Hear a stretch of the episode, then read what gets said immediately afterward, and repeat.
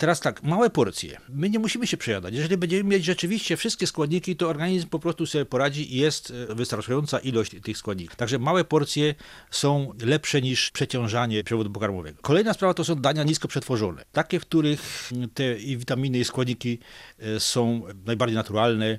Kolejna sprawa to jest żywność świeża. Nie trzymać za, za długo, prawda, w jakiej mniejszej ilości nabywać, żeby ta świeżość była zachowana jak najdłużej, bo też w czasie przechowywania może się coś zmieniać, nie tylko psuć, ale zmieniać się również, prawda.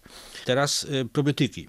Probiotyk e, to są bakterie, to są drobnoustroje, czasami jakieś e, drożdże, e, które po pierwsze troszeczkę nam zmieniają to pożywienie, dając nam nowych składników, przetwarzają, są łatwiej strawne, zwłaszcza dla osób starszych. W jakich pokarmach? Nasza kuchnia tradycyjna jest bogata w takie wszelkiego rodzaju kiszone potrawy, czy kapusta kiszona, czy mm, mleko kwaśne.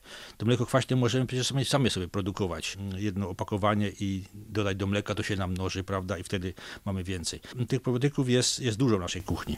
I to jest bardzo korzystne. Jeżeli chodzi o same jogurty, no one się różnią. Y, nasze badania wykazują, że, że probiotyki, mm, każdy jest inny.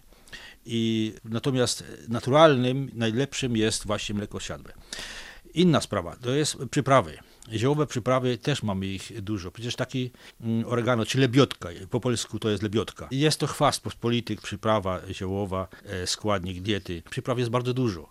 I one pobudzają układ trawienny do wydzielania enzymów. Produkty są lepiej trawione, nie obciążają przewodu pokarmowego. Kolejny e, e, taki punkt to byłyby dania stosowane do wieku. Przecież dzieci y, wymagają innej diety, dorośli innej, ludzie starsi też innej. Starsi muszą mieć tą dietę bardziej tak dostosowaną, prawda, do swojego wieku. Co to oznacza, na przykład dla seniorów? No na przykład y, mniej mleka y, świeżego, bardziej takich kiszonych pokarmów. Zbliżone troszkę do dziecięcych, ale nie, nie mlecznych. Nie ma tych enzymów, które składają składniki mleka. Kolejna sprawa to dostosowanie do pracy wykonywanej. Osoby, które pracują fizycznie powinny mieć troszeczkę inną dietę, może więcej pokarmu, więcej spalają osoby z kolei, które mają tryb siedzący, czy teraz przecież przy komputerach, po pierwsze nie muszą mieć tak dużo tych składników ilościowo, ale też jakieś te dania dostosowane powinny być, prawda, do tej pracy. I kolejny sprawa to jest element ruchu. Ruch pomiędzy posiłkami, czy mm, w ogóle, jest, to jest podstawa. To, zresztą ruch jest w każdej tej piramidzie żywieniowej jest też zaznaczony jako podstawa, e, mimo że to sam nie jest pokarmem, ale jest niezbędny. Ja bym jeszcze tak proponował taki e, dziesiąty czynnik tego dekalogu żywieniowego, element takiego postu, czy takiej krótkiej głodówki. Od czasu do czasu takie odtoksycznienie y, organizmu to już spełnia ruch, tą funkcję, ale również taka lekka głodówka, kilkanaście godzin też jest, jest dobre, bo wtedy to poczucie głodu nam daje element, że, że zresztą my nie musimy y, dokładnie trzymać się jakichś zasad, że, że trzy posiłki dziennie, czy, czy ten.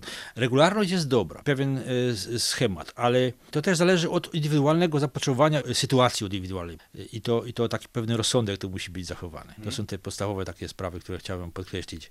Wydawałoby się proste, a jednak e, warto o tym mówić, prawda?